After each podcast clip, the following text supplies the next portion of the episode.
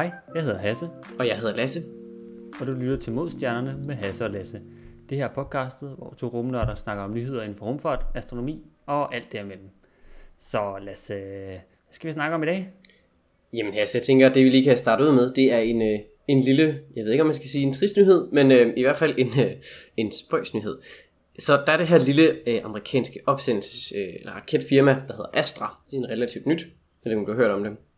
Jo, jo, jeg har godt hørt lidt op, lige når man den kigger lidt på forskellige ja, små raketter. Yes, de laver nemlig øh, en, en lille, sådan, en lidt lille raket, kan man godt kalde den. Indtil videre hedder den bare Rocket 3. Det her firma Astra, de har base over i Alameda i Kalifornien, og de prøvede her for et par dage siden, ja, den 28. august, der prøvede de at sende deres tredje udgave af den afsted, så Rocket 3,3 øh, afsted. Ja, den havde en lidt, øh, en lidt sjov, øh, ja, hvad hedder sådan noget, en ascent profile, kalder man det vist. En vej til himlen. Ja, ja den, den måde, den ligesom kommer, skal afsted på. Allerede et sekund efter, den ligesom sådan, øh, de tænder motorerne, og de sådan har talt ned, og den skal til afsted, så, øh, så er der allerede ved at være fejl. Og det fører til, at den sådan laver en, øh, en slags sidelæns start. Det ser meget spøjst ud. De fleste raketter, når de ligesom sådan står på launchpad, så er det meget sådan øh, 10, 9, 8 og så videre, og så piu, flyver den jo lige afsted, direkte opad nærmest. Den her, den tager lige øh, ja, en, en 10 meter ud til den ene side, og så begynder den så lidt. Det ser meget underligt ud. Ja, ja men jeg har godt set, uh, set videoen fra det, og det er sådan, ja, man så tænker, der er et eller andet helt, helt galt her. Jeg Jeg hørte vist også noget om, rygterne siger, at, det er, at der sidder fem motorer under den her Astra, og det er en af dem, som simpelthen går i stykker og ikke fungerer. Det, jeg, jeg hørte også, motorerne altså samlede sig hele raketten med, hvor meget jeg vil sige, de kan skubbe op af, og hvor meget, altså det, det typ- typiske, det hedder thrust to weight ratio, altså hvor meget de kan skubbe ud i forhold til, hvor meget raketten vejer det er en, et, hvad man siger, et forhold, som helst gerne skal være mere end en, fordi så er det ligesom mere tryk, end den vejer, og dermed kan du ligesom... Ja, jeg skulle lige, hvis, hvis du har under det, så kommer du i hvert fald ikke særlig langt. Det, øh. Og, øhm, og, og Astras raket her, i hvert fald som den er lige nu her med Rocket 3.3, øh, den har en thrust to weight ratio på 1 præcis. ja, okay. Jeg- tænker, jeg tænker er, det, er det ikke netop, at, der, at den netop har en, en threat, øh, thrust to weight ratio på, på 1, når den ene motor her ikke virker? Det er derfor, den ligesom glider ud til siden, i stedet for at glide opad. Det, det, det, det sker i hvert fald af og til, når jeg sidder og spiller Kerbal Space Program, at jeg laver noget lignende, fordi at jeg ikke har tænkt over, hvor, hvor meget bind, øh, brændstof jeg har med. Så står man lige lidt på landingsplatformen og brænder hvad skal man sige, brændstof af, før den rent faktisk får lov lidt. Så plejer der at ske ja. noget lignende. Ja, lige præcis, fordi så, så er det ligesom ikke så meget vægt, for du har fået brændt af ud den anden ende, hvis man kan sige sådan, og så, så begynder det thrust weight ratio at være bedre og bedre og bedre, jo mere brændstof du brænder af, og så, så kommer man så afsted, og det er også lidt, lidt det, man ser, så med Astra her. Ja, den, den klarede det jo så heldigvis, og, og ja, så kom den jo så afsted, øh, men så efter, en- hvad var det, 2 minutter og 30 sekunder, så, øh, så var der et eller andet, der faldt af, eller sådan noget, var der nogle kameraer, der viste. Øh, det, ja. det var lidt, lidt uvist, hvad der lige helt præcis skete, men i hvert fald så, øh, så, så afblæste de ligesom resten af missionen, og øh, ja, det var lige inden de nåede Max Q, øh, det her, det tidspunkt på, i, løbet af opsendelsen, hvor de har det, det maksimale dynamiske tryk, og det, øh, det nåede de altså ikke den her gang, men øh, ja, det kan være, de når det næste gang, kan man håbe. Der var heldigvis ikke noget vigtigt ja. med, øh, med raketten her. Det var bare, øh, hvad skal man sige, sådan en dummy, altså med noget vægt, sådan, så den rent faktisk øh, bliver tynget lidt ned af det. Men øh, det nåede desværre ikke det, den det ligesom skulle. Øh, altså, de, de havde forventet heller ikke, at det skulle øh, gå totalt øh, smurt, og bare at den skulle komme op i det her, øh, det her kredsløb, nu skulle, og så videre. Det, det var sådan en, en testting, men lidt uheldigt, at det gik så galt. Ja, Og, men øh, er, er bedre held næste gang? Ja, øh, jeg tænker, at det måske ikke er så, øh, er så godt for dem. Når man øh, kigger på deres øh, aktier, det, det ser Ah, virkelig... ja, deres aktiepris. Ja, den, øh, den, den tager lidt et dyk, vil jeg sige. Når man lige sådan ser tilbage over de sidste fem dage, så ligger den ret stabil på, på 11 dollars, og så pff, ryger den lige øh, ordentligt hak ned. Det er nok ikke så sundt for sådan en firma, når, øh, når der sker noget som, øh, som den slags. Men øh, forhåbentlig, så, øh, så går det bedre næste gang. Ja, ja, jeg så, at CEO'en bagefter var ude og fortælle, at de har uh, den næste raket uh, klar, og den, uh, selvfølgelig så venter de lige på at finde ud af, hvad gik der galt her, så de kan jo fikse det på den raket, hvis det var det sådan. Uh, men ellers så, uh, så er de klar til, til næste opsendelse sådan relativt hurtigt. Jamen. Så vi krydser fingre. Ja, man kunne håbe, at det var en, øh, en individuel fejl, og ikke en generel produktion, sådan, øh, eller hvad skal man designfejl. Ja. Det vil være lidt træls. Men øh, intentionen er jo, at den skulle kunne, øh, kunne bringe ja, en 100-150 kilo materiale op i et øh, 500 km solsynkron kredsløb. Så, øh, så det er sådan et, et polært kredsløb. Ja, der kører hen over ja, Nord- og Sydpolen. Yes. Det er sådan, ja, det er en lille raket. Ja, det er ikke, det er ikke vanvittigt stort, men super smart til ja, sådan små, ja, hvad skal man sige, Earth Observation øh, satellitter. Så ja, stadigvæk, øh, der er et stort marked for den slags. Ja, nu skal det lige øh, lykkes at sende den op først. Ja. Men øh, fra øh, Kalifornien, så skal vi lige en tand længere ud, øh, fordi øh, jeg har fået læst mig en sjov artikel, som handler om, at der er en, en gru- gruppe forskere med en øh, astronom, som også er fra øh, Aarhus af, så det er jo meget hyggeligt. Hmm. Ja, som har kigget på dataene fra TESS, og øh, TESS er et øh, teleskop, som er i rummet, som kigger efter eksoplaneter, som så passerer ind foran deres stjerne, som ligesom kan måle, hvor meget den sådan skygger den her planet for den her stjerne. Ja, hvad, er det- hvad er det nu til står for? Transiting Exoplanet Survey Satellite, er det ikke sådan? Yes, lige præcis. Så den, den kigger basically bare på, ja, en hel masse stjerner, og så går der nogle gange planeten foran, og det kan man så simpelthen spotte. Yes, lige præcis. Og den har jo ligesom taget over for Kepler. Det var det, sådan Kepler lavede op igennem ja, 10'erne nærmest. Øhm, og det var jo den helt sådan store stjerne, og, øh, Okay. hvis man kan sige det sådan. Øh, men nu har altså Tesla taget over, og nu har man sige, har nu scannet så meget af himlen her, at man nu er begyndt at kigge alle de her data igennem på sådan en, en sige, hele datastykker. Og der har de nu fundet 158.000 røde gigantstjerner, som oscillerer. Uha, uha. Uha, det er og spark med mange. Så fordelen. Ja, Det er ellers øh, noget, man, øh, man tit gerne vil, øh, vil, vil finde. Så, så måske lige, øh, nu, nu nævnte vi jo, at den, øh, den kigger på, øh, hvad skal man sige, transiterende eksoplaneter. Det behøver man ikke nødvendigvis at gøre med den her. Det kigger jo i princippet bare på, på stjerner i, i lang tid. Og det skal man helst, hvis man skal se de her planeter glide ind foran. Men man kan altså også godt bare kigge på selve stjernen, uden at forvente, at det ligesom går noget ind foran. Og så kan man ligesom sådan måle på, på stjernens lysstyrke. Og det kan man bruge til at finde ud af, om de, de rent faktisk oscillerer. Ja. Det skal vi måske lige forklare en lille smule, fordi det, ja, det er sådan lidt et, øh, et spøjst fænomen. Ja, ja, man kan måske... Øh, man kan tænke på, at en, sådan, en stjerne er sådan typisk i ligevægt med sig selv. Det vil sige, der er, sådan, der er lige så meget tryk, der skubber ud af, ud af inden fra midten af, og der er så tyngdekraft, der presser stjernen sammen. Og de, sådan, de to ting, altså trykket indenfra og tyngdekraften udefra, de plejer sådan at være rimelig væk med hinanden. Men hvis man så forstyrrer det, lidt ligesom hvis man, hvad ved jeg, kunne forestille sig, at man havde en, hvad ved jeg, en vandballon, og du sådan skubber til den, så vil du se sådan, det vil sige, bølgen sådan bevæge sig igennem vandballonen for eksempel. Det er sådan noget lignende, at man sådan, så fungerer det lidt på samme måde med stjerner. Og øh, der findes typisk, jeg vil sige, to forskellige måder. Det er P-modes, og det er G-mode. Så det er pressure og gravity, så altså tryk og tyngdekraft, som er de her, jeg vil sige, kræfter, som kommer til at lave en lille oscillation, som kommer til at skubbe lidt til stjernen. Ja, og det er vel egentlig sådan en slags akustisk bevægelse på en eller anden led. Der er nogen, der plejer at sammenligne det med, at det er sådan lidt af stjernerne, der sådan, ja, ikke nødvendigvis synger eller spiller musik, men det er i hvert fald, øh, det kommer ligesom i sådan nogle, øh, de, de her sådan heltals øh, harmonier, kalder man det? Harmonix. Harmonics, ja. Naturlige harmonics. Så lidt ligesom, øh, at man sådan kan gå en oktav op i musik, så kan man altså også gå en oktav op her i de her øh, P- og G-modes. Ja. Så det er sådan lidt en slags øh, stjernesang, hvis man sådan skal sige det med et lidt poetisk ord. Ja. Og ideen er så, at de her oscillationer, de, sådan, de her sådan, hvad man siger, små vibrationer i, i stjernen, det kan man så se igennem øh, lysstyrken. Men det er meget, meget, meget, meget små ændringer. Så det er, og, typisk så er for eksempel en planet, øh, som kører ind foran en stjerne, så vil, altså, så vil lyset blive dæmpet maks en procent. Det er, det er store planeter, der kommer ind foran små stjerner. Det er, altså, og så skal vi så, det er nok sådan noget, en tusinddel tusindedel mindre end det, hvis ikke en hundredtusindedel mindre end det. Altså det er virkelig, virkelig små om sige, ændringer, man skal se i, øh, i de her stjerner, og det er derfor, man skal bruge de her rigtig lange øh, observationer, fordi så kan du få sådan et, et helt godt billede af, hvordan stjernen sige, oscillerer på, ved jeg, på månedsskala eller lignende. Og det er jo netop derfor, at TESS er, ja, basically ideel til det her. Det, øh, altså ligesom, ligesom Kepler var, var rigtig egnet til det, så, øh, så er TESS altså også øh, virkelig, virkelig næsten lavet til det.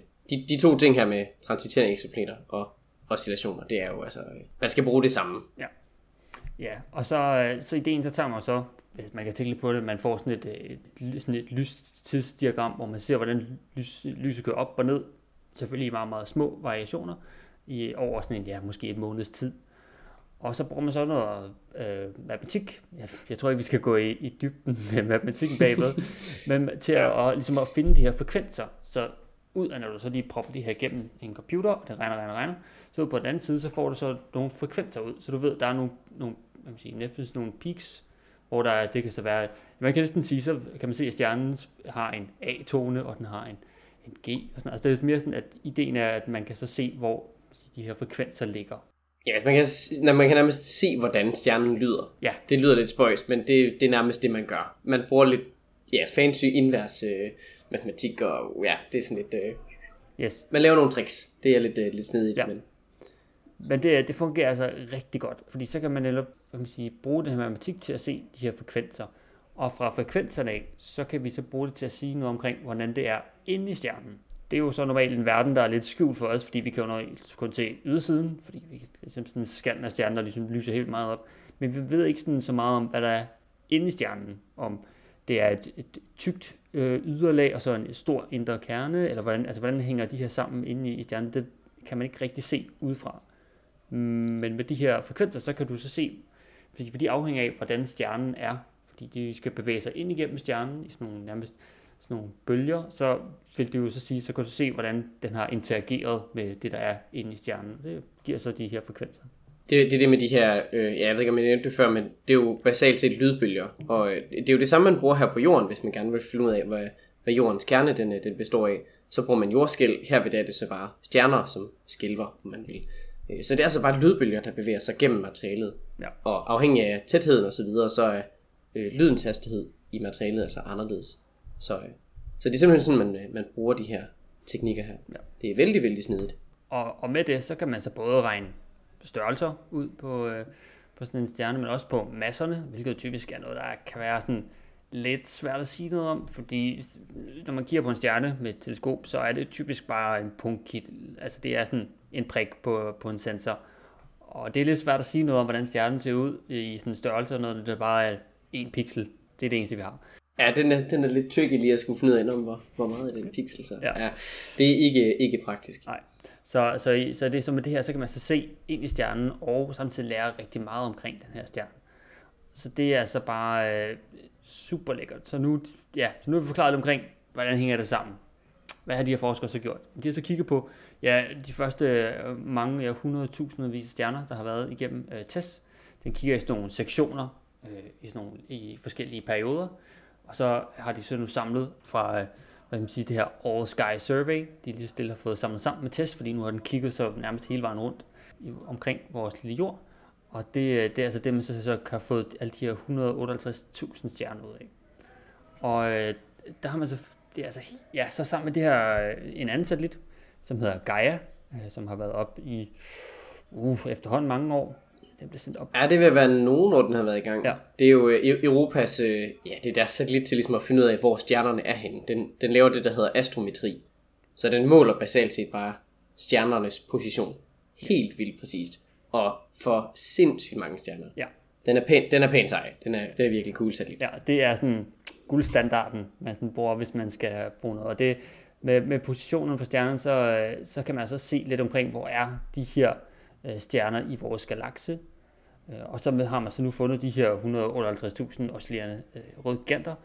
Og så har man så, så kigget på, hvor er de så henne i vores galakse? Er de i i skive, øh, som er der, hvor der typisk er flest stjerner, eller er de ude i haloen, øh, som er de, de lidt ældre stjerner, som er sådan nogle, der sådan, man kan sige, nogle af dem bliver skabt derude, men det er meget få. Andre de kommer simpelthen derud ved, at de, de rejser derud, eller bliver skudt ud fra skiven af.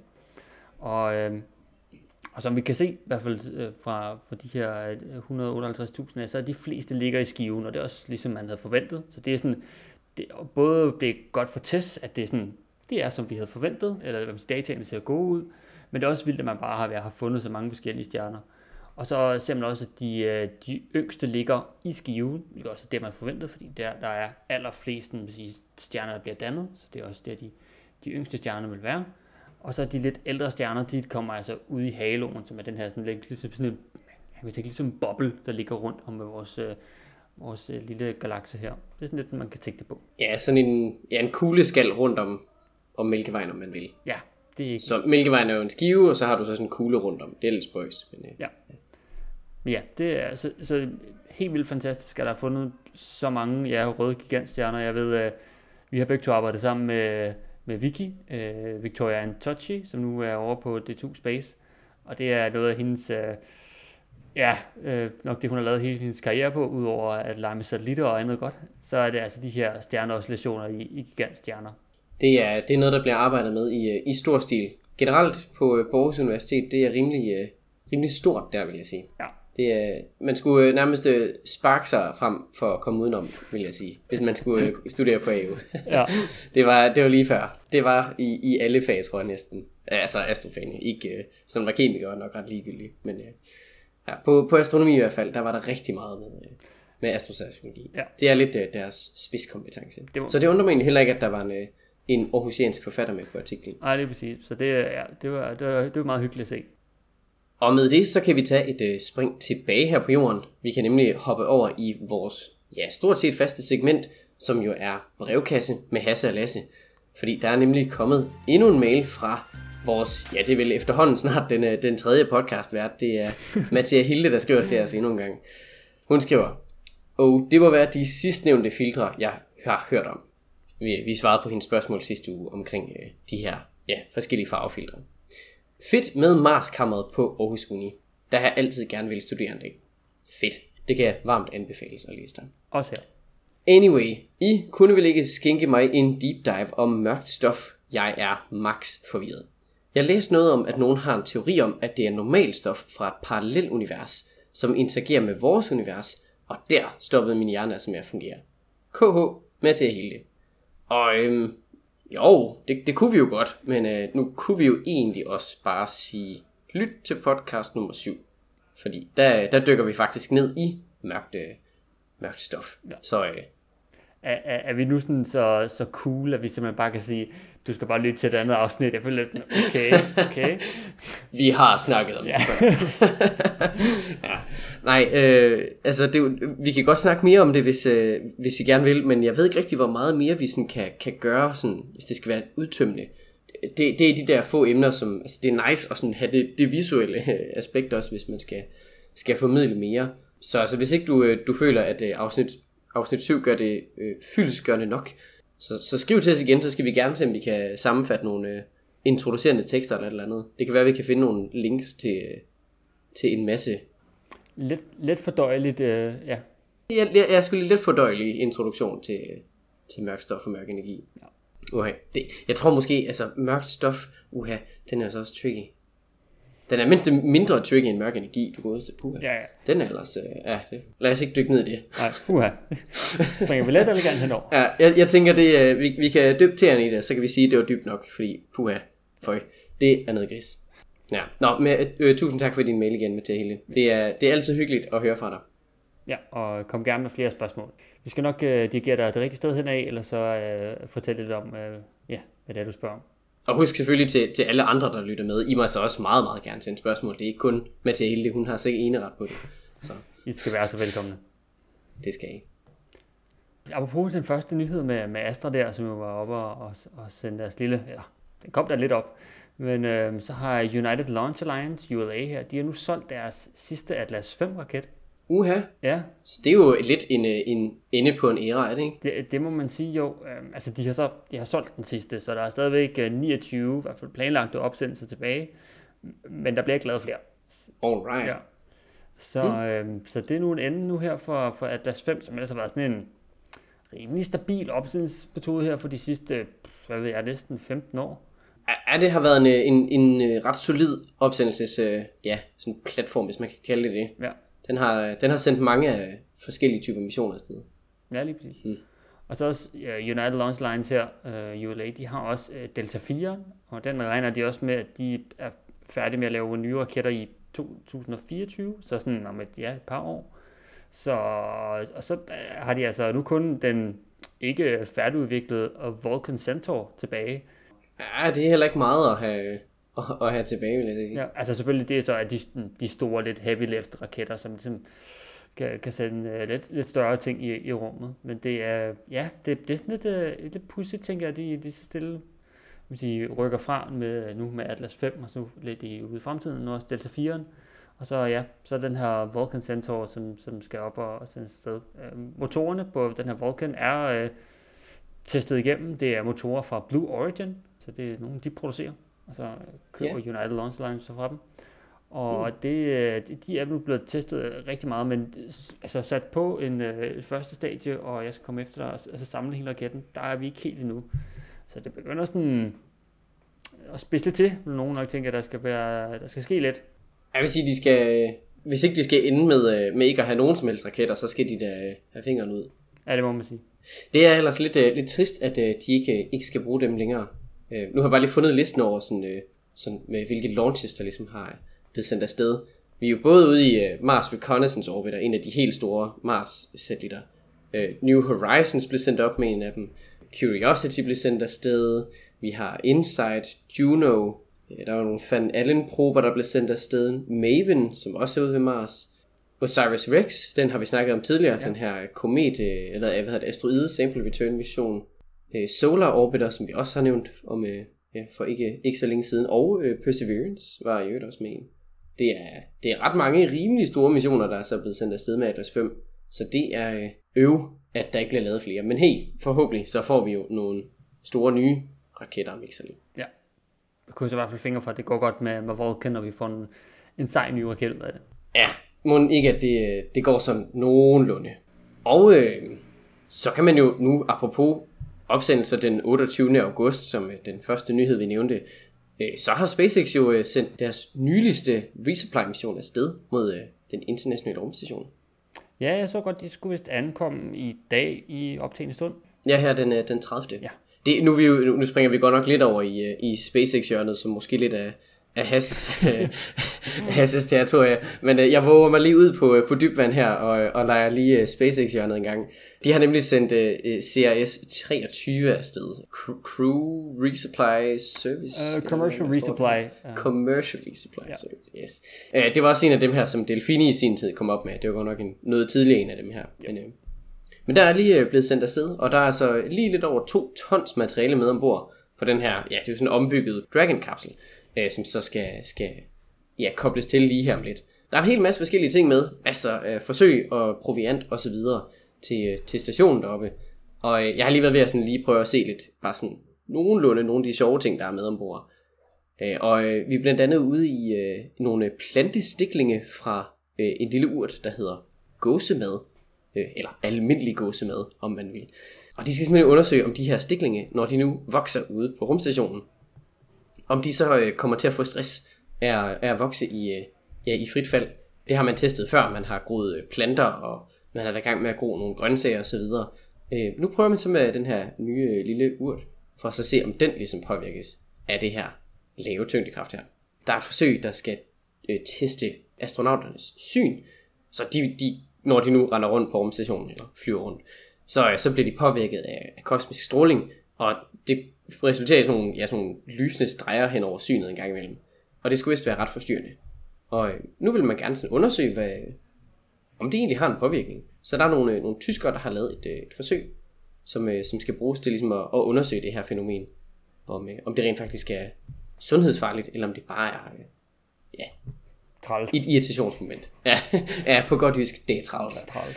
Jeg, jeg kunne godt forestille mig, hvis man står der og skal stå og øh, man skal øh, plante, plante en eller anden øh, almindelig gåsemad over i en ny pot eller et eller andet. I don't know.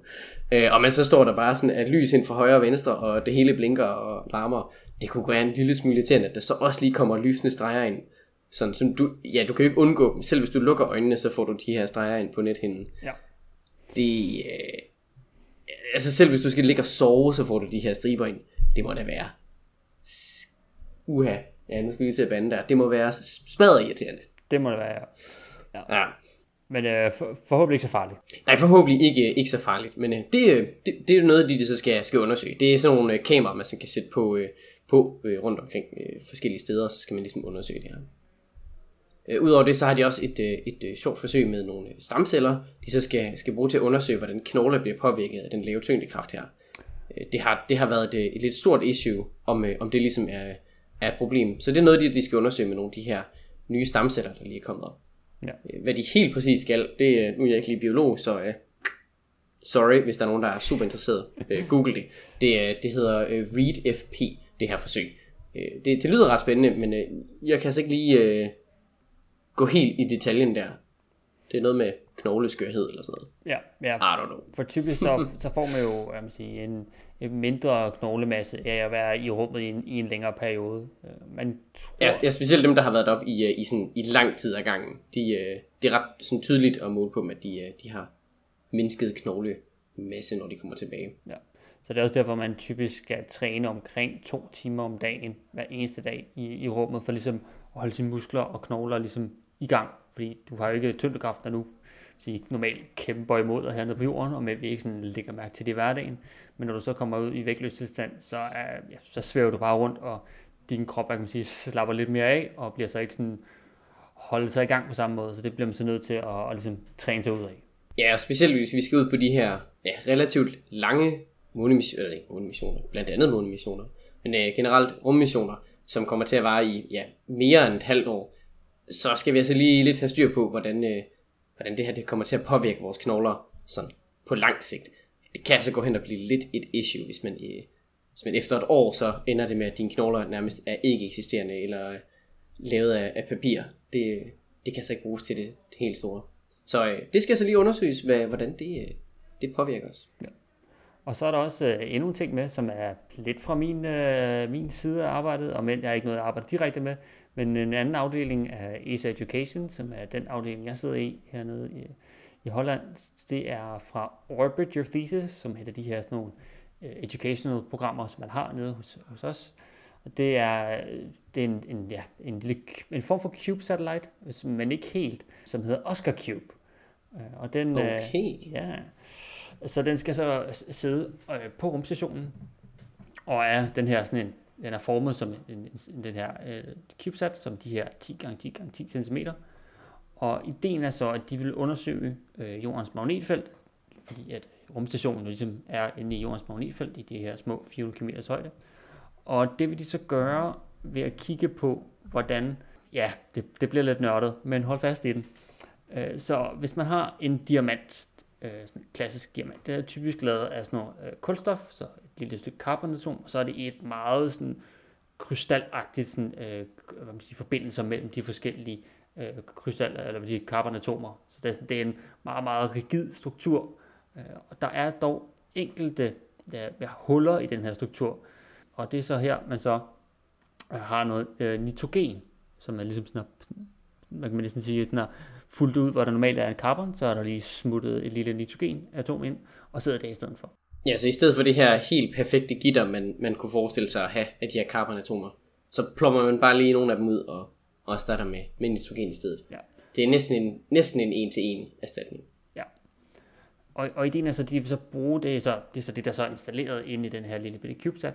Og det skal, den er så sådan meget sensitiv til, man siger, hvordan øh, det her magnetfelt ændrer sig. Så man vil prøve at se, kan man bruge de her man siger, form nærmest diamanter, til at se, øh, hvordan man siger, magnetfeltet ændrer sig, og så dermed kan få altså både en virkelig god øh, man siger, opløsning, altså virkelig sådan på uh, pico Tesla, altså virkelig, virkelig småt, men også samtidig en meget, meget god bredde, så det er en meget, meget præcist, men også på en stor skala, at man kan måle det her øh, magnetfelt. Mm.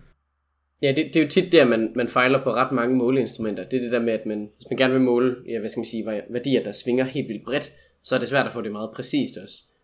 Det der med, hvis man nu har sådan en, øh, ja, en, øh, en tommestok, så kan du godt måle, øh, jamen det er cirka 2 meter, men hvor mange mikrometer der så lige er, det, der skal du ud i noget, nogle andre instrumenter. Ja.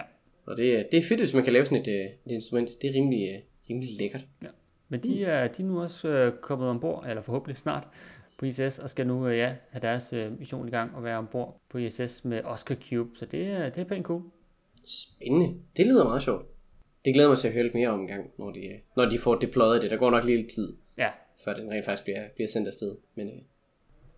Men jeg tror ikke, vi har så meget mere til i den her uge. Tusind tak, fordi I lyttede med.